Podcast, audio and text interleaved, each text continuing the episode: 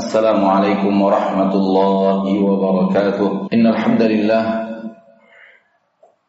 نحمده ونستعينه ونستغفره ونعوذ بالله من شرور أنفسنا ومن سيئات أعمالنا. من يهده الله فلا مضل له ومن يضلل فلا هادي له. أشهد أن لا إله إلا الله وحده لا شريك له. وأشهد أن محمدا عبده ورسوله صلى الله عليه وعلى آله وأصحابه ومن تبعهم بإحسان إلى يوم الدين وسلم تسليما كثيرا. يا أيها الذين آمنوا اتقوا الله حق تقاته ولا تموتن إلا وأنتم مسلمون. أوصيكم ونفسي بتقوى الله. فَإِنَّ اللَّهَ لَا يُنْجِيكُمْ مِنْ عَذَابِهِ إِلَّا بِالتَّقْوَى bittaqwa. Ma'asyarul muslimin. Hadirin sidang Jumat rahimani wa rahimakumullah. Mari kita bersyukur kepada Allah tabaraka wa taala atas segala limpahan rahmat dan nikmat yang sangat teramat banyak yang tidak pernah berhenti mengalir di dalam kehidupan kita di permukaan bumi ini. Rahmat dan nikmat Allah mengalir dengan begitu banyaknya setiap hari kepada kita. Tanpa rahmat dan nikmat itu, kita bukanlah siapa-siapa. Tanpa rahmat dan nikmat Allah itu, kita tidak akan mampu apa-apa. Salam dan salam kepada Nabi kita tercinta, Rasul kita yang mulia, suri tauladan kita, satu-satunya manusia yang kita berharap benar-benar di akhirat Allah kumpulkan kita bersama beliau. Di hari itu takkan kita berharap berkumpul kepada orang tua kita, kepada anak-anak kita, kepada orang-orang yang kita cintai selain mereka. Satu-satunya orang yang kita ingin kita berkumpul bersamanya di akhirat kelak adalah Nabi kita Muhammad sallallahu alaihi wasallam. Karena di akhirat kau yang tidak berkumpul bersama Nabi Sallallahu Alaihi Wasallam pasti akan celaka dan binasa. Ma'asyarul muslimin. Saudaraku Hadirin sidang Jumat rahimani wa rahimakumullah. Semua kita tahu Sekarang kita hidup di dunia. Namun harus selalu kita tanamkan di dalam hati kita Allah hidupkan kita di dunia bukan untuk di dunia. Allah hidupkan kita di sini, bukan untuk di sini. Allah lahirkan kita di permukaan bumi, namun bukan untuk di permukaan bumi. Hal ini yang sering hilang dari dada banyak manusia di zaman sekarang. Dia terpesona dengan apa yang dilihat oleh matanya. Matanya melihat dunia, melihat bumi, melihat tempat kelahirannya dan dia merasa inilah kampung halamannya. Sehingga dia kerahkan segala tenaga, upaya dan usaha untuk menggapai kebahagiaan cita-citanya di permukaan bumi.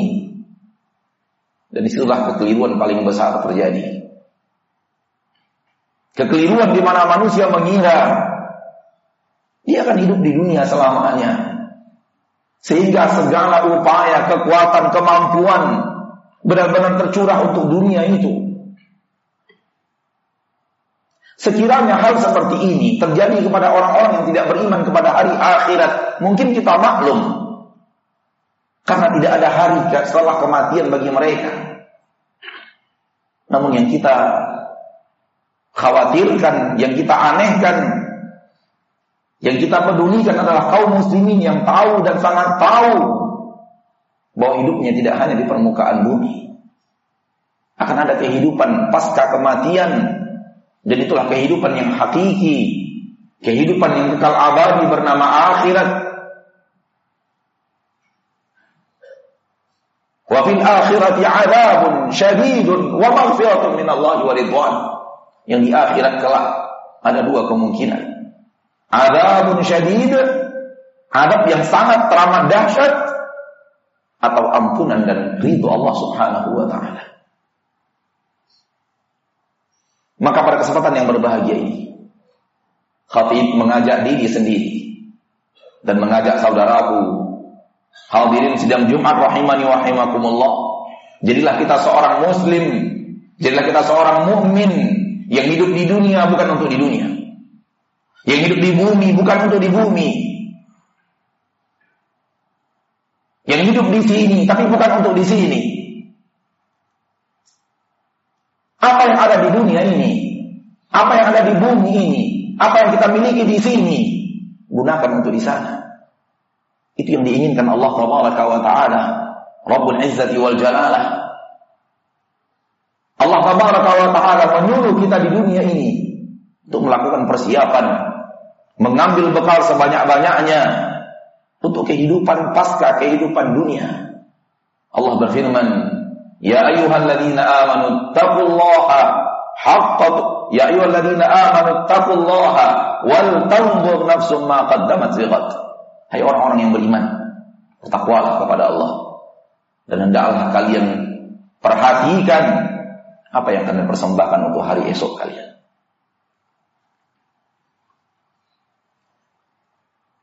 Secara teori manusia tahu, manusia yang saya maksud orang Islam tahu, dia hidup untuk akhirat. Dia akan hidup di akhirat.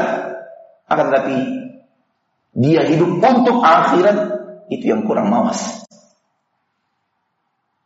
Secara teori dia tahu dia akan meninggalkan dunia. Akan tetapi secara aktivitas seolah-olah dia tidak akan meninggalkan dunia. Sehingga segala kekuatan, daya dan upaya benar-benar tercurah untuk dunia. Untuk apa? Aksi yang maksimal untuk dunia yang akan kita tinggalkan. Tidakkah lebih baik aksi maksimal itu untuk negeri yang akan kita tuju? Untuk kampung halaman yang kita pasti ke sana, bukan untuk tempat yang pasti kita tinggalkan, pasti tidak akan kita bawa walau sedikit pun. Ibadun nas yaumul qiyamah qiyamati hufatan uratan ghullah. Manusia kita dibangkitkan pada hari kiamat setelah meninggalkan dunia, hufatan, enggak pakai sendal. Sendal pun tak punya dan tak berpakaian, pakaian pun tak punya. Ghurlan belum dikhitan. Dan riwayat lain buhma tak membawa sedikit pun kenikmatan dunia. Untuk apa dimaksimalkan aksi? Untuk sesuatu yang pasti ditinggalkan dan tak mungkin dibawa pergi. Akan tetapi kenikmatan dunia lah yang mempesona. Akan tetapi teman-teman ceritalah yang telah membawa kita ke sana. Akan tetapi kemala, kemalasan kita untuk di majlis ilmu lah yang telah membuat kita buta. Sehingga akhirnya akhirat yang pasti kita tuju, kita lalaikan. Dunia yang pasti kita tinggalkan, kita seriuskan. Bukan beginilah orang yang bertakwa hidup. Bukan beginilah Allah memerintahkan kita. Bukan beginilah Rasulullah SAW mencontohkan kepada kita cara hidup seorang mukmin di permukaan bumi. Allah tabaraka wa taala berfirman, "Wabtaghi fima ataka Allahu daral akhirata wa la tansa nasibaka minad dunya." Gapai, raih, kejar kampung akhirat menggunakan apa-apa yang telah Allah berikan kepadamu. Namun jangan lupakan nasibmu di dunia. Apa yang dikejar? Dengan aksi maksimal akhirat. Adapun dunia, wala tansa, sekedar jangan lupakan Alangkah banyaknya manusia yang sudah membalikkan ayat ini dalam kehidupannya. Prakteknya dalam hidupnya terbalik. Dia hidup mengejar dan mengejar dunia. Akhirat sekedar jangan lupa. Ini adalah pola yang terbalik. Tidak sesuai dengan apa yang Allah ajarkan di dalam Al-Quran. Yang ada adalah kejar akhirat, raih akhirat. Serius untuk akhirat, dunia sekedar jangan lupa. Apa yang Allah berikan kepada kita? Kejar dengannya kampung akhirat.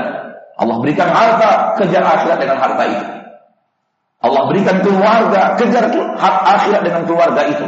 Allah berikan tahta, kejar akhirat dengan tahta itu. Allah berikan nama, kejar akhirat dengan nama itu.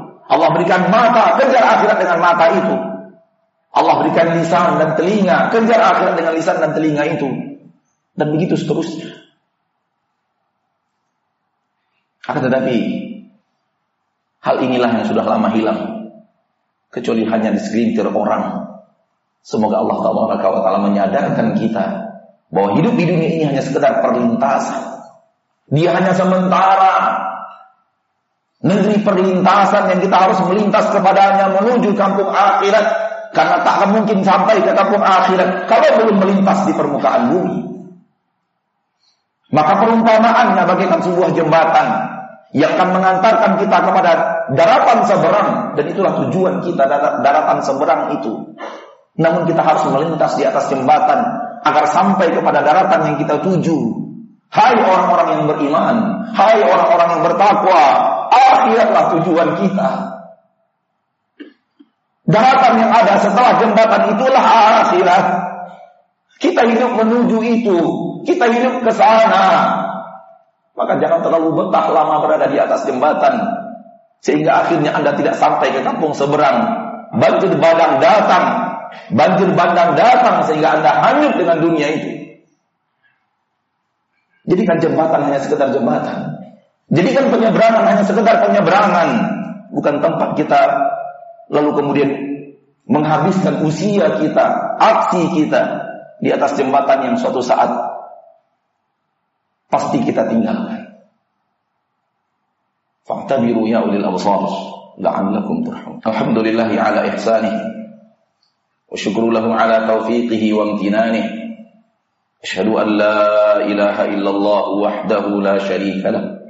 له وأشهد أن محمدا عبده ورسوله الداعي إلى رضوانه. اللهم صل وسلم وبارك وأنعم على عبدك ورسولك محمد وعلى آله وأصحابه ومن تبعهم بإحسان إلى يوم الدين. وسلم تسليما كثيرا. وبعد. saudara-saudaraku hadirin sidang Jumat rahimani warahmatullah. Di dalam Al-Quran, Allah banyak bicara dunia.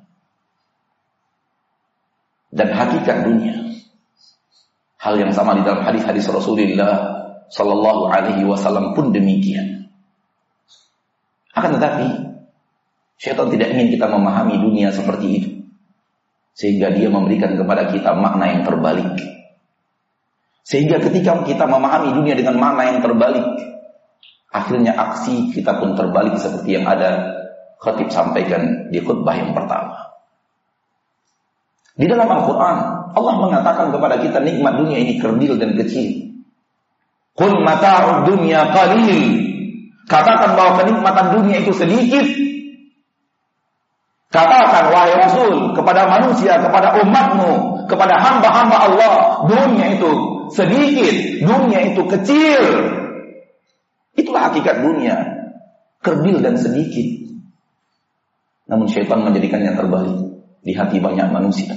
Sehingga manusia memandangnya besar dan banyak. Ketika manusia sudah memandangnya besar dan banyak, tak ayal lagi usaha maksimal untuk hal yang dia anggap besar dan banyak itu. Namun kalau dia selalu menganggap bahwa Dunia itu kerdil dan kecil, takkan dia maksimalkan segala upayanya hanya untuk dunia. Karena dia sesuatu yang kerdil dan kecil. Sekerdil apa? Sekecil apa?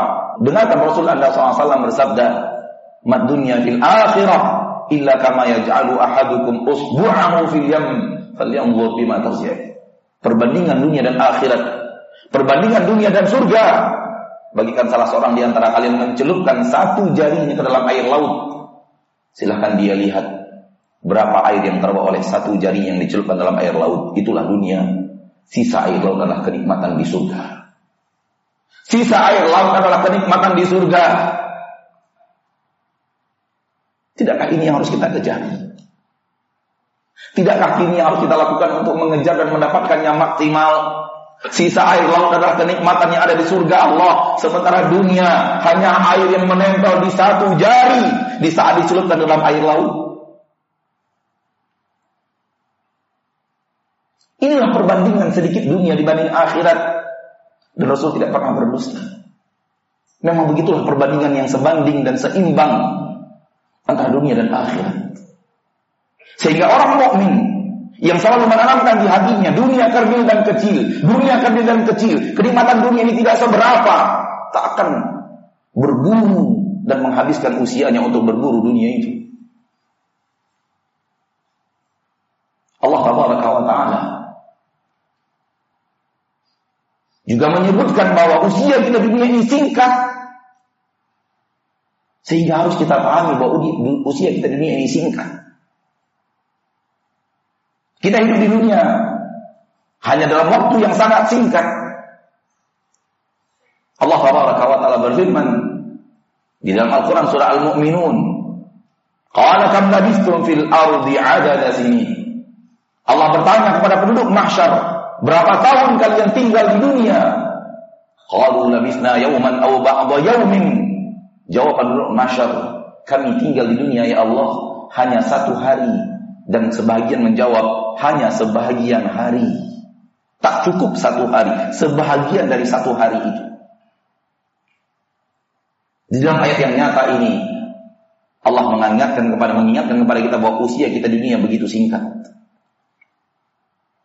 Allah bertanya kepada penduduk mahsyar, jin dan manusia, dan kitalah yang ada di mahsyar itu ketika itu.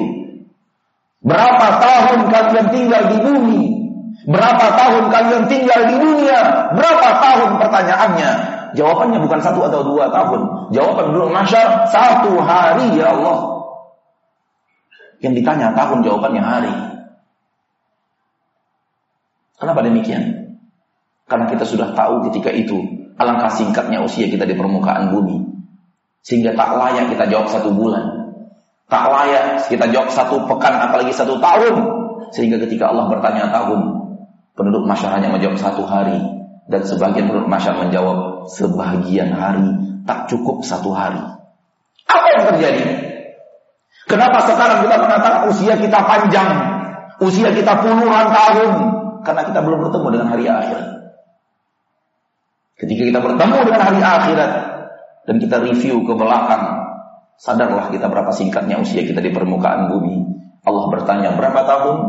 Sebagian penduduk bumi menjawab satu hari ya Allah. Kenapa satu hari? Mereka sudah bertemu dengan hari akhirat. Ternyata satu hari di akhirat takaran di dunia seribu tahun. Maka umat Nabi Adam, umat Nabi Nuh yang hidupnya seratus tahun, seribu tahun menjawab satu hari kami tinggal di bumi ya Allah. Gerangan apa jawaban kita? Gerangan kita akan menjawab apa? Kalau umat Nabi Nuh, umat Nabi Adam yang hidup di permukaan bumi berusia seribu tahun, menjawab satu hari.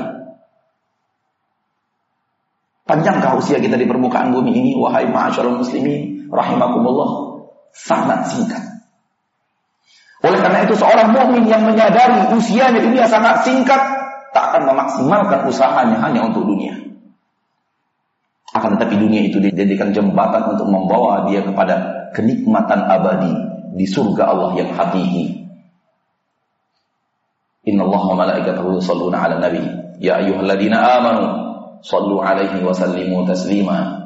Qala sallallahu alaihi wasallam man shalla alayya salatan sallallahu alaihi biha ashra. Allahumma salli wa sallim wa barik wa an'im ala abdika wa rasulika Muhammad wa ala alihi wa ashabihi wa man tabi'ahum bi ihsanin ila yaumiddin. Allahumma ighfir lil muslimina wal muslimat wal mu'minina wal mu'minat al ahya'i minhum wal amwat innaka sami'un mujibud da'awati ya qadiyal hajat. Rabbana la tuzigh qulubana ba'da hadaytana wa hab lana min ladunka rahmah innaka antal wahhab.